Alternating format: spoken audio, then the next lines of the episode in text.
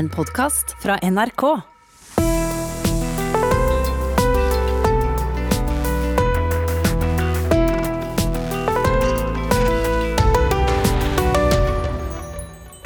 Om du har stått parat under en misteltein eller over en gryte siden lille julaften.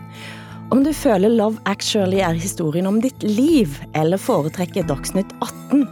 Uansett hvor du befinner deg, hver dag nå i romjula så skal du få møte de jeg har aller mest lyst til å snakke med, fordi de er interessante, utfordrende, eller rett og slett fordi de har noe viktig å melde. Mitt navn er Hilde Sandvik, som i dag sitter her sammen med journalist, forfatter, samfunnsdebattant og styremedlem i Norske Penn, Ingeborg Senneset. Velkommen. Tusen takk. Og kjøkkensjef Jimmy Øyen. Velkommen. Tusen takk. Og hvorfor sitter de nå her sammen? Det kan de takke denne mannen for. Norges mest kontroversielle TV-predikant Jan Hanvold. Hør her.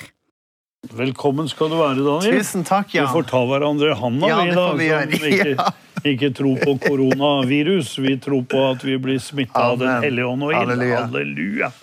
Ja, Ingeborg, eh, hva førte dette til? Jeg sitter her og himler med øynene igjen nå, da. Um, nei, det klippet her er jo veldig oppsiktsekkende. Um, og i kjølvannet av det så drev jeg og skrev på en sånn kommentar med, som het 'Skamløse opportunister', om folk som vil sko seg på koronaviruset. Uh, men jeg drev også og var litt interessert i, i, i en fyr på Instagram. Du var interessert i en fyr på Instagram og skrev Ja, og det høres så fjernt ut, men ja. Um, og så tilfeldigvis så la den fyren her ut eh, det klippet da, i sin story. Og da hadde vi drevet liksom og fulgt hverandre en stund, og, alt sånn. og, så, og så reagerte jeg jo på det klippet. Bare sånn her, å herregud, det der er jo helt ut. Og da sa han bare at ja, det der er jo helt fucka. Og nå sitter vi her, da. Og det var romantikk. Romantikk i Jan Hanvolds eh, farvann. I Guds navn, Jimmy Øyen. Sånn som jeg forstår det, så teksta dere i tre måneder før dere møttes fysisk. Sier litt om den tida vi lever i. Jimmy, husker du denne dagen? Ja, jeg husker faktisk den dagen. Jeg satt hjemme og syntes alt var kjipt, og det var jo lockdown. Og Ja. så satt, eh, så jeg det klippet der og ble egentlig ganske provosert. Ja. Men det var også veldig komisk, eh, så jeg måtte dele det. Og jeg husker vi lo litt eh, over det. Mm. Hadde du eh, håpt og ønska på at Ingeborg Senneset skulle kommentere på de tingene du la ut, eller eh, Ja, jeg tror vi begge hadde det litt sånn. ja. Ja. Det var sånn her, det, Vi trengte liksom en grunn til å begynne å snakke sammen. ja. Og det gjorde dere. Det gjorde vi. Og fortsatte å snakke. Mm. Mm. Og nå er dere faktisk kjærester. Nå er vi faktisk blitt kjærester. Men Ingeborg, eh, det er ironisk at Norges mest kjente anorektiker nå er sammen med en av landets beste kokker. Og for deg var det ikke opplagt å gå inn i et forhold. På ingen måte. Eh, tvert imot så har jeg egentlig vært veldig innstilt i mange år på at jeg har ikke lyst til å være i en så tett relasjon. Um, og tenkt at det, det er på en måte ikke for meg. For det handler, det handler veldig mye om forhistoria mi. et Sånn, um, jeg har både en historie med uh, alvorlig anoreksi som gjør at jeg føler at jeg er et veldig sånn slitsomt menneske å være med. For jeg tenker alltid at, uh, at folk syns det er litt vanskelig å være rundt meg, og at de kanskje syns at um, at jeg enten ser rar ut av og til, eller at jeg eh, ikke klarer alle tingene som alle andre klarer. Det er litt sånn Jeg skjønner jo av at jeg kanskje undervurderer litt hva jeg får til, men ja, det er sånn jeg føler, da. I tillegg så har jeg bare eh, vært for redd for den nærheten som gjør at du på en måte At noen får se deg på ditt verste. Det har vært liksom litt marerittet mitt. Og det gjorde at jeg i veldig mange år også trakk meg unna venner, og også familie. Eh, Men jeg har jeg vet ja, de siste årene øvd en del sammen med venner på det å oppleve at selv om de ser meg på mitt verste eller beste, da, så trekker de ikke seg unna. De dukker liksom bare opp på nytt. og til og med ei god venninne som da eh, traff meg da jeg rett og slett trengte hjelp. Jeg fikk ikke til å komme meg ut av eh, det som da var angst. Da, da. Som etterpå liksom bare Var det det her Ja. du var så redd for at jeg skulle se? Og, og hun var mer sånn Men takk for at jeg fikk være en del av det, da. Eh, Sånn tok litt Um, jeg syns det var en tillitserklæring. Mm. Men eh, det å ha noen hakket tettere innpå det igjen, for det, det er ikke det samme, eh, det å våkne opp og sovne med noen, som det at noen er der i et par timer, det har jeg tenkt at det er helt uaktuelt. Du snakka litt grann om det på podkasten eh, Hjernesterk, Mm. eh, sammen med eh, Petter Gjelle. Mm. Eh, men la oss høre et lite klipp derifra. nettopp grunnen til at jeg var så redd for å snakke om det, er det at jeg da har eh, frykta å gå inn i relasjoner. Da. Eh, og nå eh, så står jeg på en måte på litt sånn tampen av det at jeg har eh, surra meg inn i en relasjon likevel. Eh, og der den andre personen er veldig sånn ja, men du må snakke med meg om det, og, og jeg tenker er gal, liksom. Du kommer til å synes at jeg er det verste mennesket på jord. Men det virker som at folk ikke blir så lett skremt som jeg har trodd, da. Ble du skremt, Jimmy? Nei, ikke i det hele tatt. Eh, Jeg tror hun overtenker det litt sjøl. For jeg syns ikke Jeg tror kanskje jeg egentlig er litt mer plagsom enn det du er. ja, det tviler på altså. Men eh, det å skulle møte Ingeborg, som òg har vært ganske åpen om de utfordringene som har vært i livet, og delt med det, hva tenkte du rundt det? Jeg hadde egentlig ikke så veldig mye tanker rundt det. Eller jeg syns det var litt interessant. Mm. Jeg syns folk som har vært gjennom litt, har som regel med seg litt mer og mer om ørene sine. Og man kan snakke litt Jeg vet ikke, litt sånn dypere om ting. Eh, Det blir som å snakke med noen som er litt voksen og har levd litt, på en måte. Mm. Men jeg tenkte ikke noe særlig over at det var et problem, eller at det var rart, eller noen ting. Jeg er veldig sånn at jeg møter folk, og så er de sånn som man møter dem, og så tenker man ikke så veldig mye mer over det. da. For det er jo flere lag her. Vi kan òg høre Ingeborg fra et lite klipp på NRK. Eh, TV-programmet Avsky, som kom for en stund siden. La oss høre hva du sier der. Men én ting å bli møtt med andres avsky.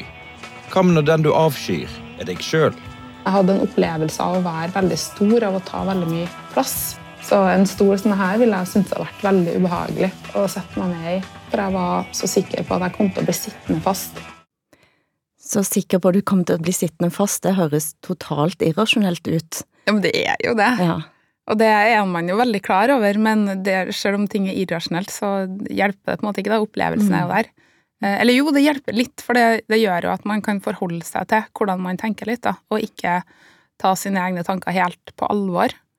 Eh, Men det er veldig vanskelig hvis du er for dårlig, som jeg var på det tidspunktet. Jeg refererer jo da til en hendelse som var mens jeg var innlagt på sykehus, mm. og veldig lenge før i dag, der jeg på en måte var mer eh, Det er litt sånn forskjellen på drøm og virkelighet, da, at når du er i drømmen, så vet ikke du helt sikkert at det der er en drøm, og mer er til stede. Men i etterkant så på en måte har du fortsatt levd gjennom den drømmen, men da vet du at det her var ikke ekte. Men du kan fortsatt sitte igjen med den følelsen, for eksempel at du er, du er redd etter å våkne etter et mareritt. sånn da. Og så er, møter du kjærligheten. Mm. Det var ikke med vilje. Det, det er veldig Jeg har liksom aldri klart å snakke med folk om ting der og da når jeg opplever ting, og alt sånt og vært så veldig innstilt på at det må bare stikkes under stol, det må bort. Eh, og så eh, Og så opplever jeg det at vi hadde en litt vanskelig eh, morgen, og så tar det en time, og så ringer han og sier du, vi må snakke om det her. Mm. Og jeg bare Ha-ha. Og det var på en måte inngangen til å begynne å øve på det at ja, man prater faktisk om ting. For der er, der er du innmari god, da, eller Jimmy er innmari flink på det, at han på en måte tar tak i ting. Og lar ikke det bare gå, da, sånn som jeg har ofte gjort. Og hva tror du er grunnen til at en bare lar ting gå? Em, kanskje for redd for konsekvensene, eller ikke har språk for det. Um, mitt språk er jo veldig eller sånn, Det er nesten ironisk at folk trekker fram at jeg er språklig sterk. Mm. For jeg føler jo sjøl at det er på en måte min største svakhet. da, At jeg ikke klarer der og da når jeg føler noe, for eksempel, så klarer ikke jeg å sette ord på de følelsene. Jeg syns det blir veldig uh, Det blir en sånn blokkering, liksom, der jeg, jeg blir bare taus, gjerne. da. Mm. Uh, eller har blitt. Prøver Eller jobber jo med saken, da. Men sånn jeg, jeg føler jo at den av oss som er språklig sterk, det er jo Jimmy, fordi at han klarer på en måte å ta ting der og da, og klarer å, eh, å f.eks. dra til den podkasten her uten å drive og forberede seg, sånn som jeg blir sånn her ja, da bør jeg jo kanskje lese gjennom alle mine egne ting, da. sånn.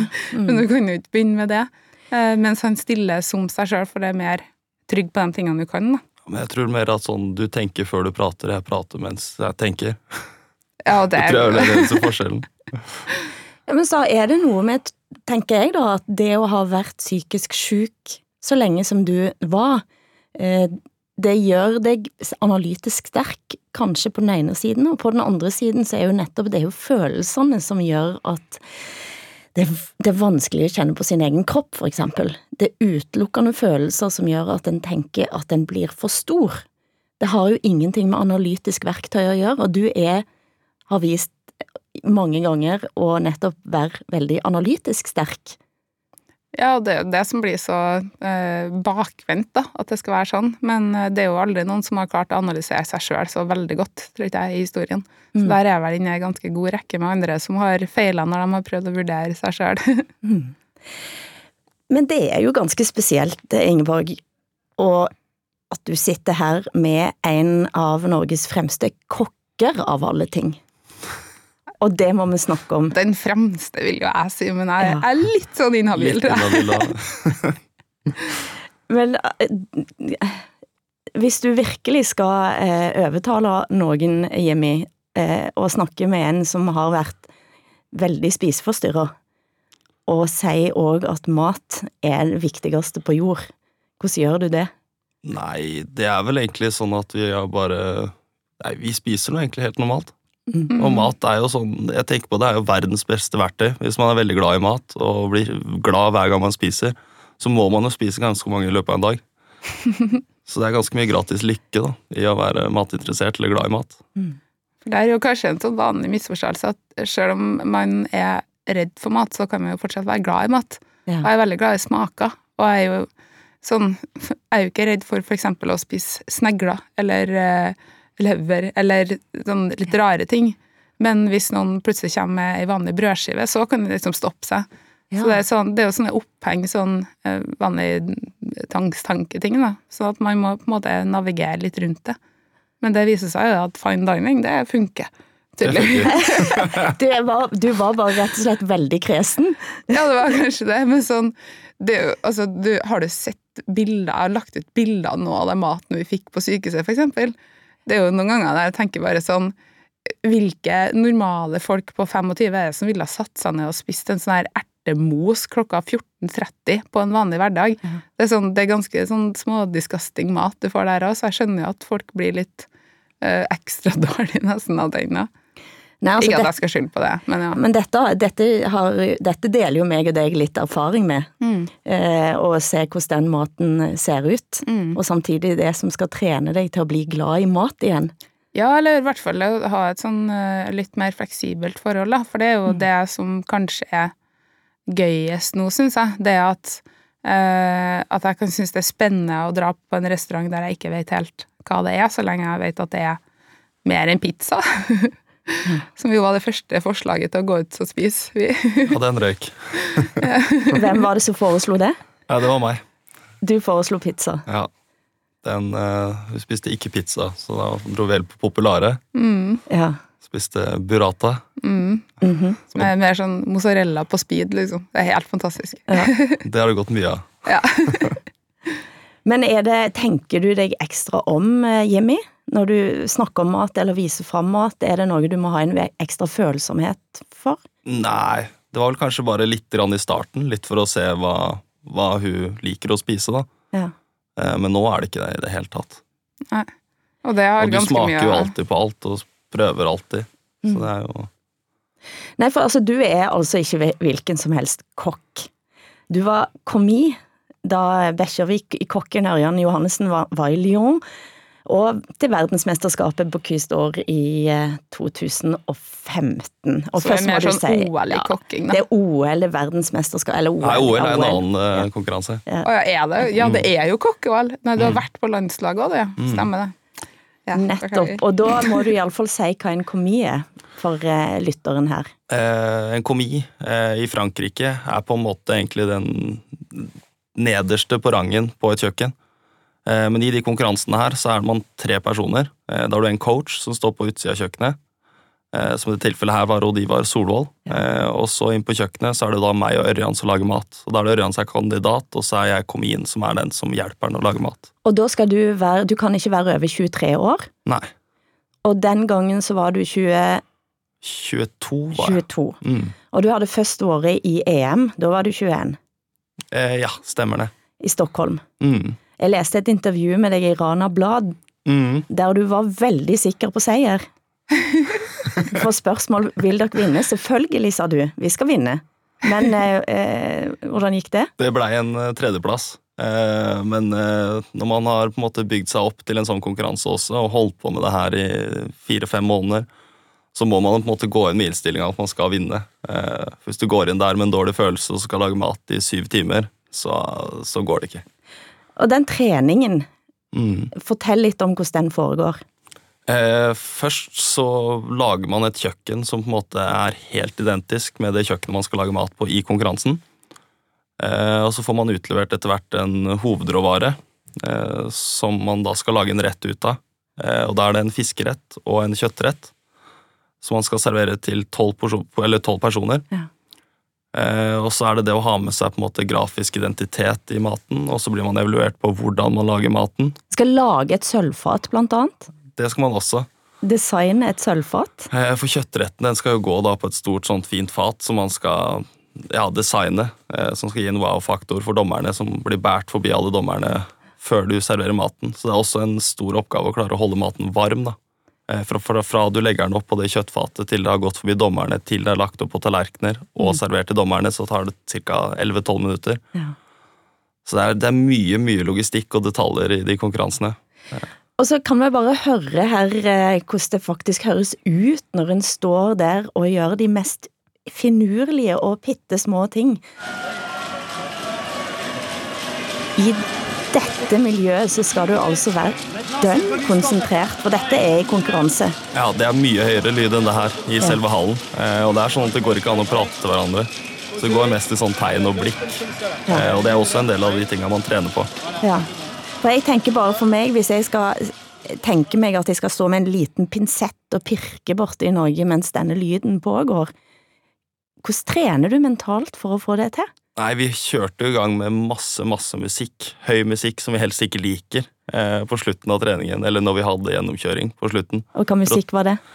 Nei, det var vel egentlig bare radiomusikk, for det var P P4, eller, Ja. liksom? Og bare sånn høyt, høyt, høyt som man bare ikke kan kommunisere. eh, For å trene på det. Eh, Men man er såpass fokusert at du sperrer på en måte all lyd ute. Ja. Og så når da Norge, du hører at folk skriker 'Norge, Norge', og hvis det da går bra, man har litt sånn good feeling, så kan det hjelpe veldig. ja. Men jeg tror hvis det går litt dårlig, og du får den boosten i tillegg, så slår det negativt. Men man trener såpass lenge på det her, da. Man bruker jo halvt år til hver konkurranse nesten, og da, da er man såpass klar da, når man står der. Og du har jobba med Ørjan Johansen både i, i EM og Ja, i Årets kokk, EM Ja. og Lyon. Mm. Så vi var jo sammen i to år totalt. Jeg husker han snakket en gang om hva han pleide å gjøre når han eh, ikke fikk det til. Mm. For det skjer, og det å trene på de gangene jeg ikke får det til. Har du hatt noen sånne øyeblikk der du tenker 'dette fikk jeg faktisk ikke til'? Eh, ja, men man gir seg ikke der, da. Eh, da går man hjem, og så grubler man hvordan man skal få det til, og så går man på jobb igjen, og så løser man problemene. da. Og hvilke problem kan det ha vært, husker du noe? Det kan, jeg klarer ikke å huske noe spesifikt, men det kan være at uh, du skal lage et garnityr, da. Så, så skal se sånn og sånn ut, og så er det lett å lage ett av de. Men du skal lage tolv av de, eh, og så må du lage de fort. Eh, og det å lage én fin ting er på en måte greit, men når du skal lage tolv helt identiske uten å bruke så lang tid, eh, så er det der på en måte ut, utfordringene kommer, da. Ingeborg, har du sett han i sjakk, eller? I sjakk? Nei, i sjakk har du vel ikke Har du sett Ja, det, han i faktisk, sving? det har jeg faktisk ikke sett i sjakk. Nei, For det har du eller sett sånn, han i sving? jeg, jeg har jo sett deg i sving nå når jeg har vært eh, i Trondheim. eh, for da hadde Rest, eh, som er restauranten uh, i mitt driv, da, og Fangen, som er en Michelin-restaurant i Trondheim, eh, en sånn pop-up, som heter. det. du må bare arrestere meg om jeg bruker feil ord. Nei, jeg har-. Jeg har liksom gravd for å finne ut forskjell på tallerken og fat. For jeg, jeg ante ikke forskjellen på det. Og hva er forskjellen på tallerken og fat? Nei, tallerken er jo en asjett, eller altså en tallerken. Og et fat kan være en stor ting. Å ja, kan, sånn til å bære inn, ja. Ja. Mm. Ja. Jeg bare, det er forskjell på det. Jeg drev og satt liksom det samme hele tida. Ja. Um, men eh, det var første gangen nå uh, nylig da, Mm. at jeg fikk uh, smakt restaurantmat som man har laga, og sett liksom hvordan de jobber når de står i en sånn lita luke i kjøkkenet der du ser at de driver og legger ut, står med den pinsetten sin og styrer og snakker sammen og prøver å liksom ha logistikken og sånn, og hører plutselig ja, bor åtte, og så bare ja, faen, det er oss, og, Ja. og kommer bort og presenterer maten, og da hører den, det er jo veldig ofte en historie med det, på en måte. Da. Eh, enten at det er en rar grønnsak som har blitt eh, gjort om til kunst. Eh, det er en sånn blanding av kjemi, kunst og arkitektur. Liksom. Det er sånn Ja. Eh, vanvittige byggverk, på en måte, som også er veldig små, men som i tillegg da smaker helt sinnssykt. Ja. Og det er sånn, det å få oppleve han i den rollen, når for meg så har han på en måte vært Jimmy, da. og så plutselig så er det mesterkokken. Så jeg ble jo jeg ble så stolt at jeg klarer nesten ikke å ja, Jeg gliser litt for mye når jeg kjenner det, liksom, men, men det blir så kry Jeg da, og, sånn, og imponert. Ja. Men det er veldig, det er veldig, veldig gøy å, å se og høre. Så jeg bare Ja, det er veldig stilig. For dette skjedde altså i Lyon. prize winner here for the 15th edition of Ja, ja. the Cruise Door fint, folkens. Ja.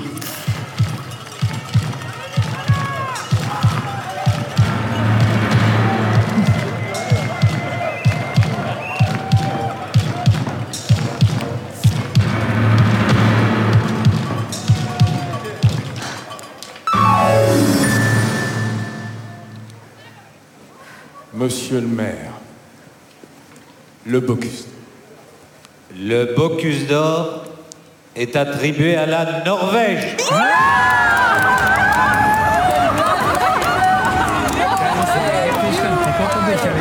Dette er lyden ifra TV 2. Jeg kjente jeg ble stressa nå, jeg. ja, det, det der var helt sinnssykt. Jeg husker vel egentlig ikke så veldig mye fra de ropte ut Norge til i hvert fall et minutt etter vi gikk av eh, depotet. Men man venter såpass lenge også, for man står på baksida og venter sammen med alle kokkene som har konkurrert. Og man er bare, det er den spenningen som er bak der også. Alle, man veit ting har gått gærent, og hva som har gått bra, og man veit på en måte ikke så veldig mye mer enn det. Og så blir man ropt opp, og så står man foran publikummet der, og så veit man på en måte favorittlandet, og når man ikke da blir ropt opp på beste fisk, beste kjøtt, tredje eller andre, så står man der og bare Nei, det var vanvittig. Det var skikkelig, skikkelig gøy. Men hva har skjedd eh, etterpå for deg? Etter det så begynte jeg Jeg flytta jo til Oslo. Eh, To dager etter vi kom hjem, så flytta jeg til Oslo og begynte å jobbe på et sted som heter Palace Grill. Mm. eh, som jeg var i tre år. Eh, før jeg da Ja, og så begynte jeg på kokkelandslaget også rett etterpå. Så vi drev med litt konkurranser og sånn. Eh, og etter det så hadde jeg liksom litt lyst til å gjøre noe som var helt mitt, da. Eh, og da starta vi Rest.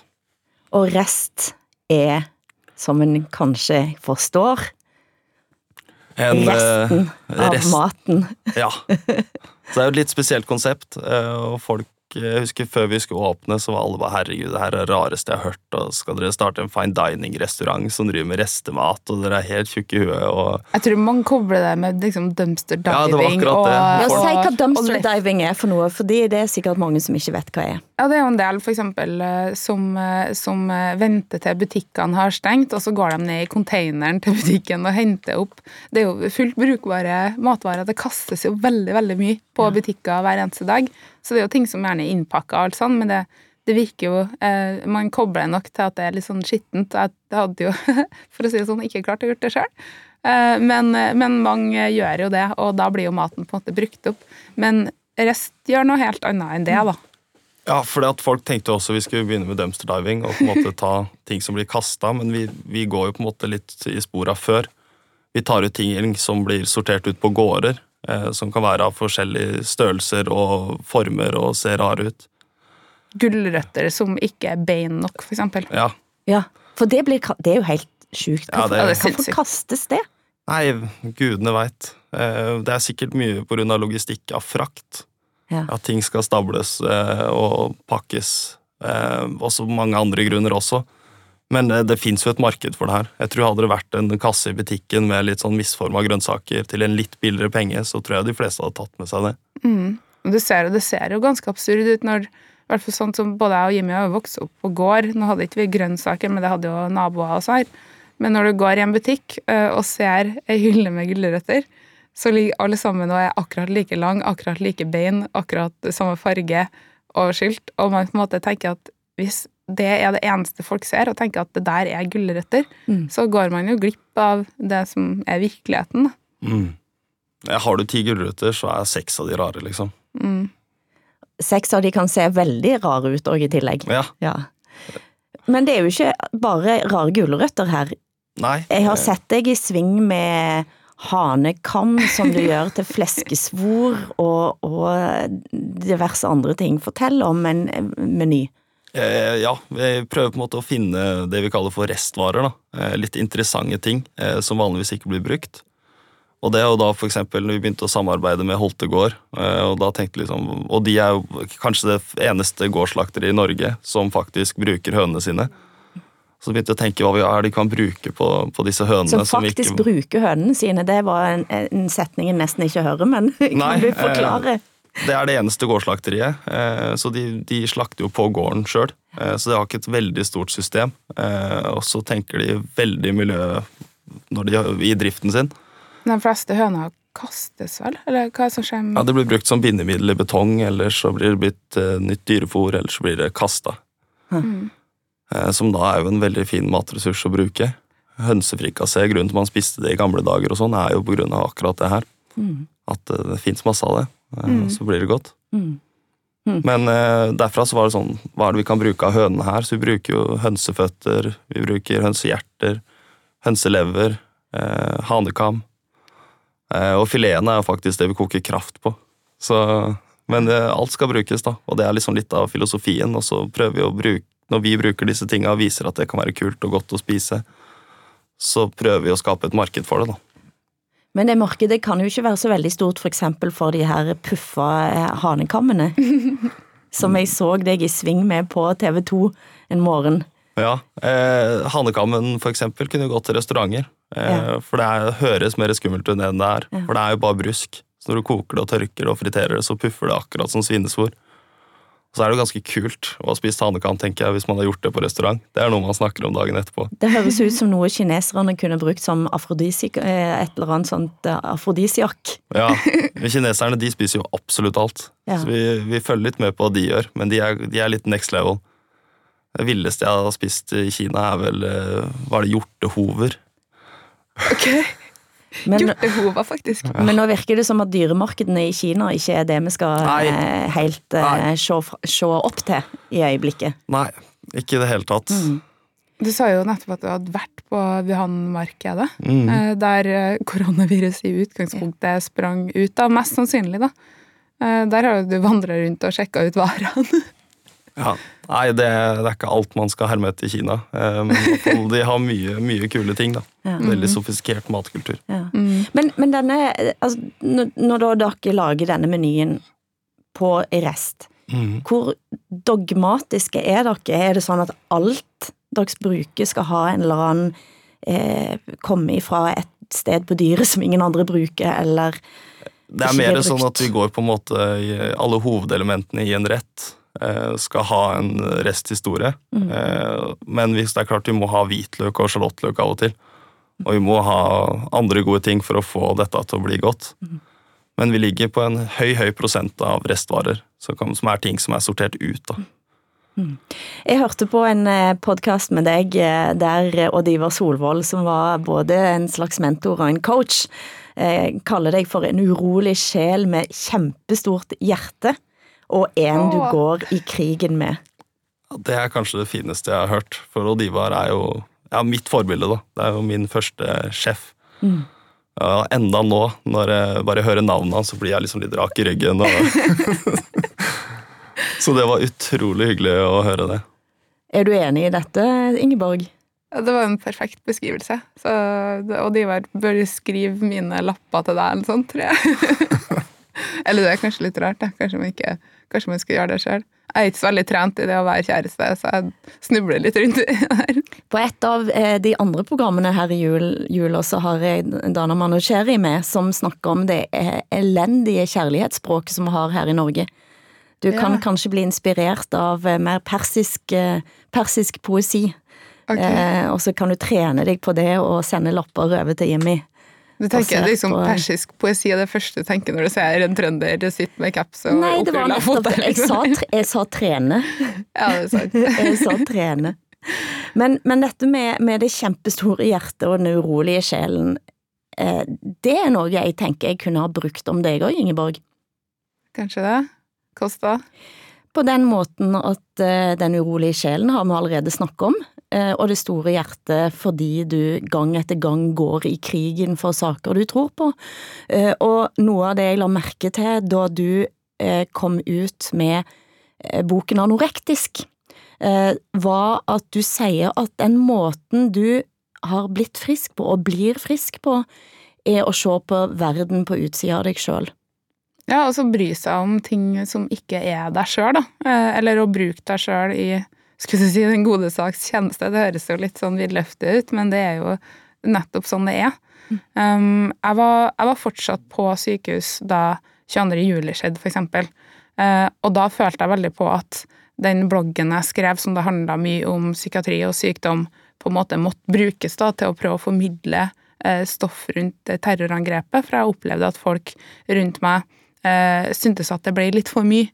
Det ble litt for mye Breivik, og det ble litt for mye pårørende, og det ble litt for mye offer. Eh, ville helst slå av litt der, som jo er en veldig naturlig reaksjon, eh, men som samtidig er sånn ja, men det er jo ikke det jeg er synd på.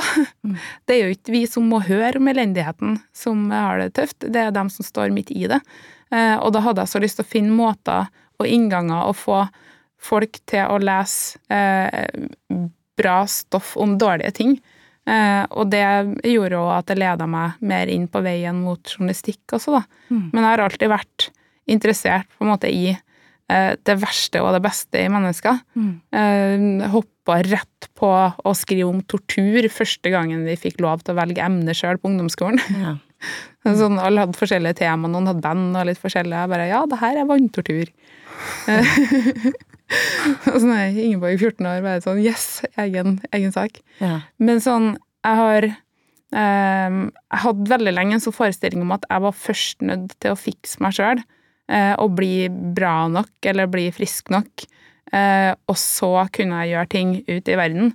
Men jeg hadde en psykolog som var veldig mer sånn Ja, men hvorfor det? Vi kan jo snakke om de tingene her. Du er jo interessert i nyheter nå. Jeg ser jo at du sniker deg opp for å se Dagsrevyen hver kveld, liksom, og sånn. Ja. Eh, og han eh, støtta meg veldig på det at det handler ikke så veldig, veldig mye om å bli eh, et sånn ferdigprodukt av et menneske, og så skal du kunne begynne med andre ting, men heller det å gjøre det du kan, da, også at det er viktigere eh, å gjøre friske ting enn å være frisk. Mm. Jeg tror det er en sånn veldig nøkkel til å få gjort ganske mye, for det er, det er så mange jeg har møtt i eh, psykiatrien eller ellers, da, som nedvurderer seg sjøl veldig og sier ja, men jeg er sånn, derfor kan ikke jeg gjøre sånn.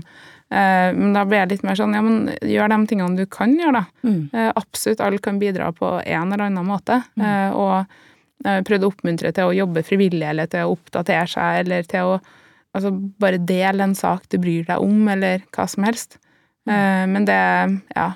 Jeg prøver å tøffe meg litt når jeg sier bare sånn ja, det viktigste er å gjøre friske ting, men det hadde vært jævlig digg å bare være frisk òg. men da måtte jeg jo Jeg vet ikke helt hvordan jeg skulle ha gjort det, og kanskje måtte jeg da ha bare venta på eh, en eller annen dag der det skulle skje, og jeg vet ikke helt om, om det skjer, og jeg vet ikke helt om om andre er så veldig friske heller lenger. Nei, for det var det jeg Så skulle til å sånn- si. Hva er det egentlig å være frisk? Jimmy, føler du at du bor sammen med Eller, eller, eller har- Ja, vi- vi kjære- bor ikke bor sammen, ikke sammen. Kjæreste Det har gått fort en, med eh, Ja. med en uh, syk person? Nei, jeg tenker ikke over, at, uh, over det i det hele tatt, Mm. egentlig. Jeg tror hun kanskje overtenker ting litt sjøl, og så utafor det så, så har vi det jo helt normalt, tror jeg. Mm. Og fint. Eller normalt normalt, men fint. Nei, for det er liksom spørsmålet hva er det egentlig å være frisk? Altså, jeg vet ikke om jeg kjenner så mange veldig friske folk, jeg. Og så vil jeg, ja, og så vil jeg jo heller være grei enn frisk, egentlig. Jeg tror hvert, eller jeg håper i hvert fall at jeg er det. Ja, vi, det er det. vi er nå i hvert fall greie med hverandre. Ja. 100% Nei, jeg vet ikke. Jeg føler ikke at det er noe Jeg tenker ikke over det i det hele tatt. Men det å, å gripe fatt i verden på utsida og gjøre noe, det kjenner du deg igjen i? Ja. På hvilken måte? Nei, jeg vet ikke. At man på en måte Det har jo beveget seg litt fra å bare lage god mat til å nå på en måte nesten ta på seg litt samfunnsansvar eh, med eh, rest. Eh, og prøve å faktisk gjøre en forskjell. Eh, og det er jo egentlig noe nytt som har starta nå for tre år siden, hvor man faktisk har begynt å se et litt større bilde av ting, kontra å bare leve kokkelivet og være på et kjøkken og helt blind for alt. Mm. Men eh, det føles eh, mye bedre å gjøre noe som er litt meningsfullt. Og så tror jeg, eller jeg mistenker, at det handler også litt om at det er jo mye vanskeligere. Det er mye vanskeligere å lage fine dining på, på utfordrende råvarer enn på ting som er godt fra før, og folk kjenner fra før, kanskje, og vanskeligere å få Mm. folk til å spise noe som er ja, vanskeligere å få dem til å spise hanekam enn foie gras, kanskje, da. Sånn at da blir det en utfordring, og det er sånn som jeg kjenner deg, i hvert fall, så hater du enkle ting. Ja. og vil at det, eller ikke vil at det skal være vanskelig, men hvis du skal prestere, så skal det på en måte være fordi at det var en utfordring. ja. Jeg er jo perfeksjonist, 100% Men eh, ja, det er litt det der samfunnsansvaret å Ja. prøve liksom faktisk gjøre noe meningsfullt, da. Men nå har vi et ganske spesielt år, eh, som dere kjenner på kroppen, som oss alle andre. Jeg hørte en pod med deg, Jimmy, som var spilt inn eh, rett før den andre nedstengingen av Oslo nå. Horeka-podden. Mm. Der snakker du altså med Ole Henrik Eftedal om status quo i bransjen. Vi kan høre hva du sa der. Ja, Hva forventninger har du til vinteren, og, eller hva, hva tenker du i disse litt krøllete tider? nei, man gjør sikkert litt som eh, før, at man eh, lukker øynene litt. For jeg tror det kommer til å bli tungt nå fram mot jul. Dette Etter de siste nå restriksjoner som ble gitt, eh, med munnbind og, og sånt på personal og gjester som kommer inn og ut. eh, Skremmer folk litt også. Ikke at det er så sinnssykt mye verre fra denne uka her enn til forrige. eh, Men du merker også på boken din nå at du begynner å miste de store gruppene. Eh, Og det er jo på en måte det, det som skal redde oss inn etter koronaen eller shutdown som har vært. da. Eh, Så jeg er veldig spent på hvordan det kommer til å bli. Eh, ser I dag så har vi gått fra full restaurant til nå har vi to gjester boka i kveld. Ja, det Så det er eh, Ja, man blir redd, da. For Ja, ja, at man det ja. ikke skal gå, da. Mm.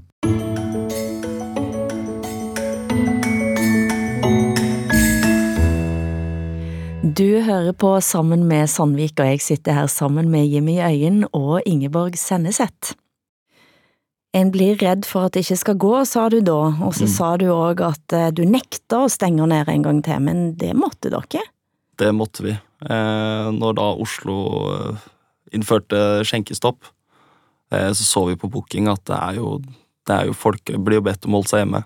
Og da er det ikke på en måte vits å ha åpent når du ikke har gjester. Eh, vi har 14 ansatte, og alle skal ha lønn. Eh, og vi klarer ikke å ha åpen restaurant uten at alle er på jobb også, vi skal levere den store menyen som vi leverer. Så, men det her var jo rett før, vi, før shutdown kom, faktisk. Mm. Men eh, jeg er jo litt naiv, da, og tenker at dette går bra, nå kjører vi på. Hva gjør du nå, da? nei, nå har jeg brukt den siste tida på å lage mat til Kirkens Bymisjon, eh, sammen med de andre på kjøkkenet vårt. Eh, og servitørene, faktisk. Eh, bare for å ha noe å drive med, og ikke minst å, å gi noe til noen som, som trenger det. Eh, fordi vi, vi er arbeidsnarkomane. Vi kan ikke gå hjemme. Da blir vi gærne i hodet. Og jeg har for demoner av å gå hjemme og på en måte ikke ha noe mål for dagen. Eh, Da får man ikke lyst til å stå opp, og man får ikke lyst til å spise, man får ikke Mm. lyst til å gjøre noen ting. Eh, Så det har på en måte fylt dagene nå med å bare lage litt jobb for seg sjøl. Og siden vi er permitterte, så får man jo ikke lov å gjøre noe som genererer penger. Eh, Så da var jo Kirkens Bymisjon det det perfekte å holde på med da. Nei, for jeg må innrømme at eh, jeg hører deg snakke og tenker at dette rammer nå veldig mange bransjer, og det er veldig mange som ikke klarer å gripe fatt i seg sjøl og lage jobb for seg sjøl, og da blir en en demon hjemme. Er ikke det òg ganske urovekkende, Ingeborg? Hva som er skjer med samfunnet vårt i den totale stillheten? Altså si bare serveringsbransjen, så er det hva er det, 14 000-15 000 eller mer som er permittert. Mm. Eh, det, og, da har, og så har du flere bransjer i tillegg til det. Eh, og på toppen av det så har du veldig mange som ikke er permittert, men som da enten har hjemmekontor eller som har litt andre forhold enn ellers. da. Eh, og i Oslo, da, der halvparten av en sånn bor alene, så er det masse folk som, som ikke treffer noen på ukevis. Eh, og man kan si alt man vil om på en måte det der at man treffes jo digitalt og alt sånt her, men det er ikke det samme. Finn Skårderud har en veldig sånn fin sammenligning med det at vi, vi, opplever ikke folk på samme måte når vi ser dem todimensjonalt. Eh, Når de er flate. Mm. For da har vi ikke den formen, og vi har ikke den kontakten, da. Og jeg er ganske bekymra for en sånn slags epidemi av ensomhet da, i kjølvannet av pandemien med korona.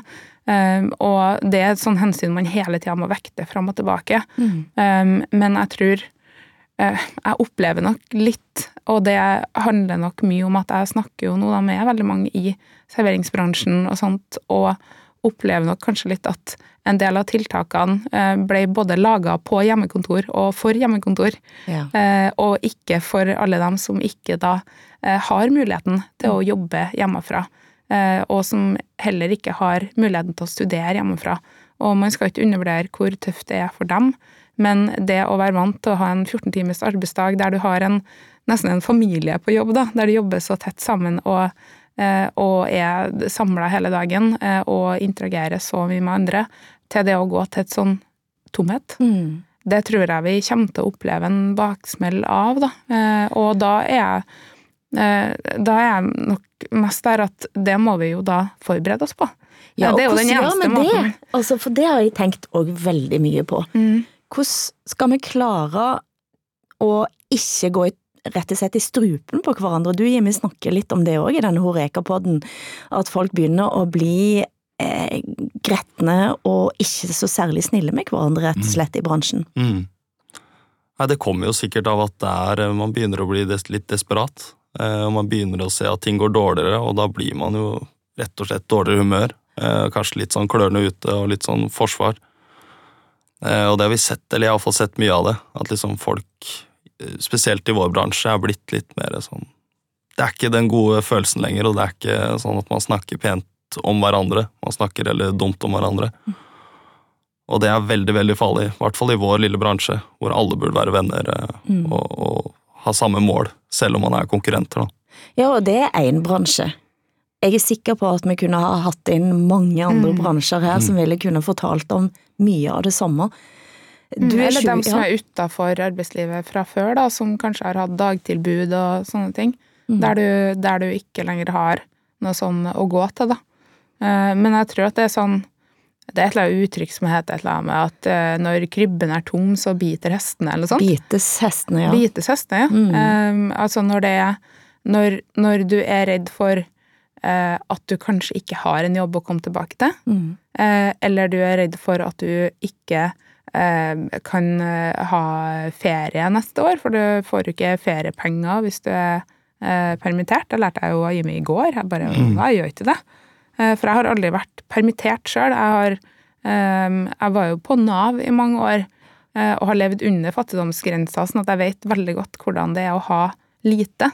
Men den opplevelsen av at du har hatt en stabil inntekt, og så blir den veldig mye redusert, og du ikke kan planlegge for neste år, du vet ikke helt om du i det hele tatt har en jobb da, osv.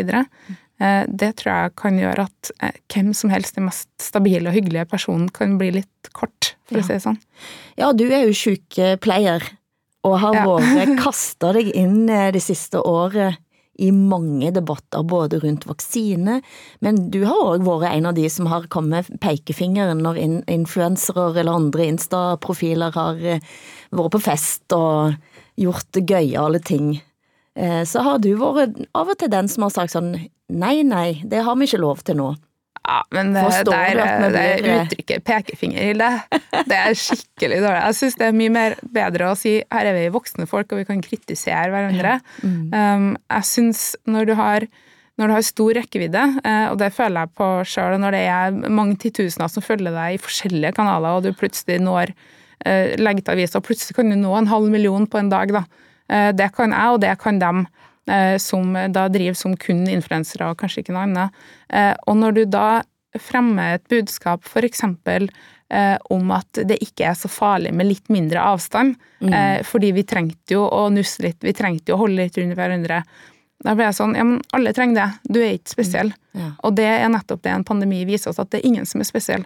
Du kan ha, du kan ha 100 000 følgere, men viruset driter i det. Og hvis du da viser fram til alle at det er bare å sitte og kose og klemme, som det jo ikke er, Mm. eh, for noen, eh, så viser du bare at du ikke bryr deg, og du gir et signal til kanskje ganske unge følgere da, om at de heller ikke trenger å bry seg så veldig. At det er kult å drive og ha en, en kohort, som da tydeligvis er det ordet som flest har misforstått hva egentlig er. Ja. Um, og det syns jeg er utrolig trist, og også ganske provoserende, fordi at det er jo stort sett ikke uh, unge med stabil inntekt eller som har en kanal i sosiale medier det her rammer hardest.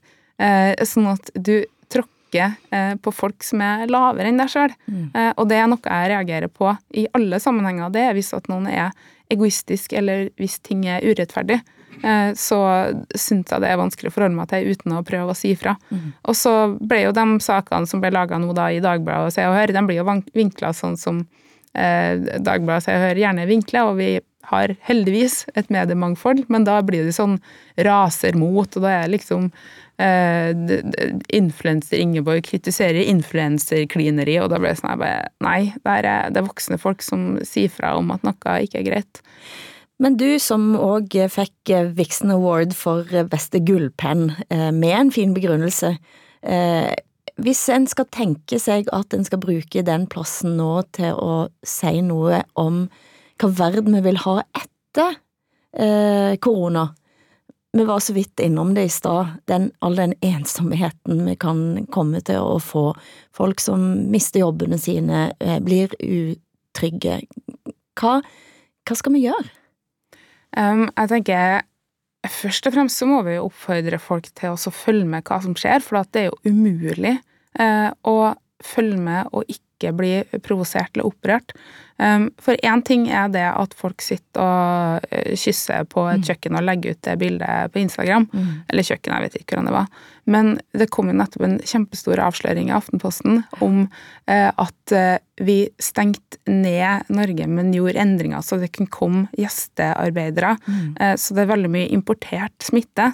Eh, Som da blir et forklaringsproblem når det er sånn ja, men skulle ikke vi redde arbeidsplasser, og så tar vi inn andre arbeidere? Har vi ingen snekkere i Norge? Det er, sånn, det er sånne ting. at Hvis man klarer å engasjere seg i si Les én nyhetssak om dagen, da. Ja. Så, så blir man et eh, menneske som er mer opptatt av verden, og det tror jeg er det vi trenger. Fordi at hvis vi skal få en bedre verden, så trenger vi bare at folk eh, bryr seg og engasjerer seg i det, og da må du på en måte et hakk opp, da.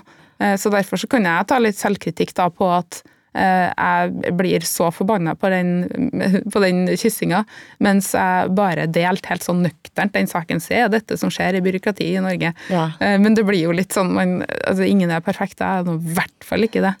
Så jeg får nå bare fortsette å prøve å lese litt nyheter. Jimmy, har din bransje noen tanker om hva en gjør videre? Videre så tror jeg på en måte vår bransje må jo bygge seg opp igjen, for vi er jo mer enn brista. Det er jo nesten et halvt år nå tapt eh, med inntekter, og så mister man også nå julebordet. Og så er det vel egentlig ikke, kommet en eneste tiltakspakke som, som hjelper oss til nå. Så vi må jo bruke mye tid og sikkert redusere ganske mye personal for å klare å ha nok penger til å faktisk overleve. Men eh, mest av alt så tror jeg etterpå, når det her er over, at man kommer til å innse hvor godt det er å ha sine nære, da, sine venner.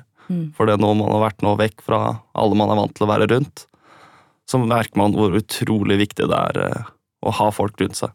Mm. Å være sosial, og være med venner. Og nå er det jul, og hvis vi snakker om restemat Vi kan òg snakke om den, en del av de matvarene og, og de tingene vi har på bordet som vi har veldig mye av i Norge. La oss høre da Kristoffer Hivju og Gry Målvær Hivju fikk matsjokk på NRK. Du, hva, hva er dette her? Det er jo helt vanvittig. Det her er eh, helslakt. Her er det mye sau. Det er òg noe gris. Hjelp her, og trøste, da. Hvor mye er her, sånn i antall sau? På dette lageret så er det ca. 1500 sauer. Eh, men totalt i Norge så har vi lagra ca. 20 000 sauer. 20 000 sauer? Ja. Og hvor mye er det i tonn? Det er 620 tonn ca. 620 tonn sauekjøtt. Ja.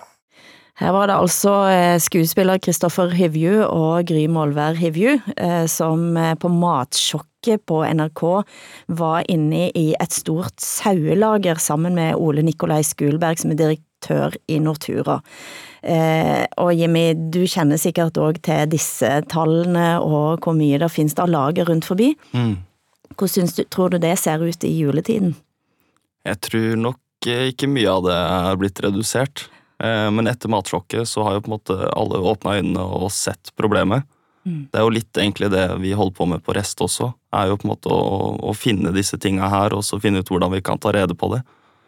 Men eh, bare hadde man bytta ut kjøttdeig i butikk med, med sauekjøttdeig f.eks., så hadde jo ikke det her tatt mange måneder å bruke opp. Det høres ut vanvittig mye ut, men vi konsumerer ganske mye mat. Eh, men jeg tror bare det handler om å åpne øynene og se hva som skjer, litt som hun snakka om med nyhetene. Men å liksom bare se hvor problemet ligger, og så er det ikke umulig å vri oss til å bruke de ressursene som vi har, eh, som vi ikke bruker til nå, da. Men nå eh, i juletiden så kommer det til å ligge masse rester ute på diverse matboder eller i bossbandet. Mm. Helt unødvendig. Mye sau òg. Jeg kommer fra gård der vi alltid spiser pinnekjøtt av villsau, som jeg vil absolutt si at det er mye bedre enn annet pinnekjøtt.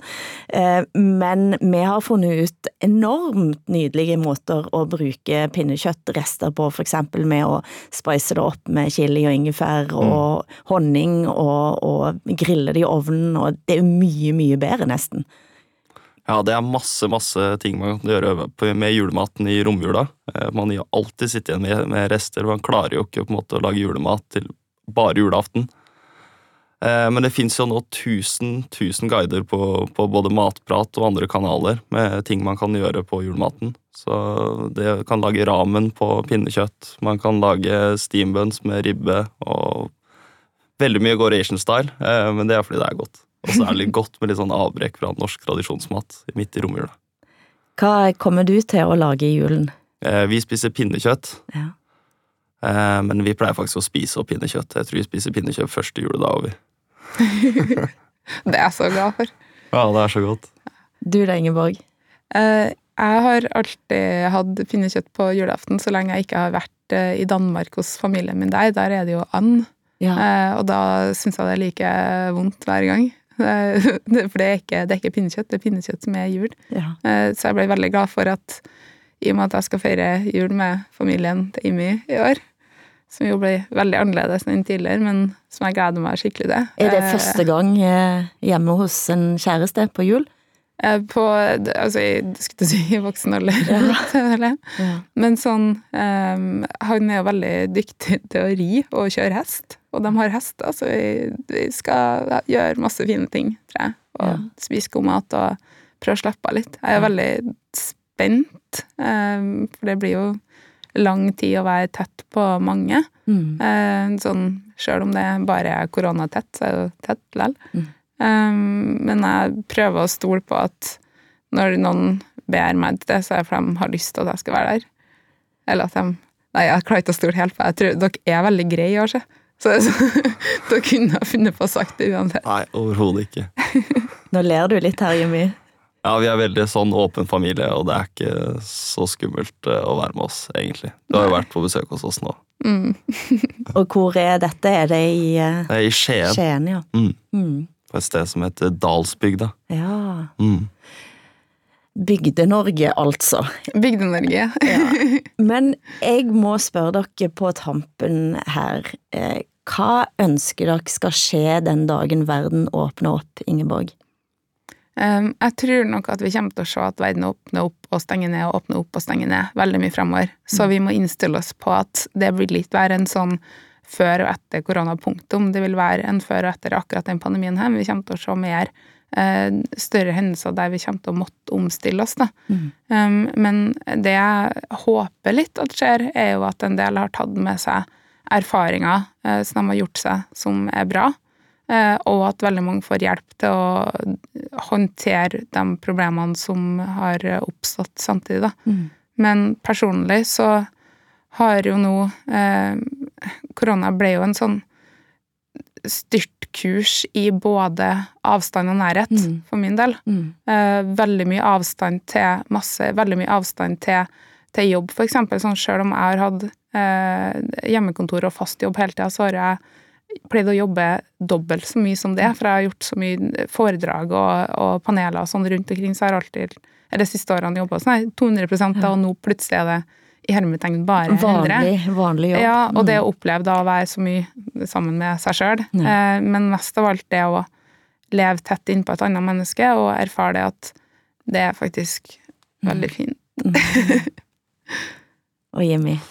Nei, jeg tror vi kommer til å åpne opp, og så kommer det til å skje som sist vi åpna opp, at uh, verden er klar for å fortsette. Uh, og så er vi også kanskje litt mer rusta og forberedt på at ting kan skje i framtida. Mm. Det blir siste ordet i dagens sending. Eh, tekniker har vært Hans Christian Heide. Mitt navn er Hilde Sandvik. Er tilbake i morgen på samme tid.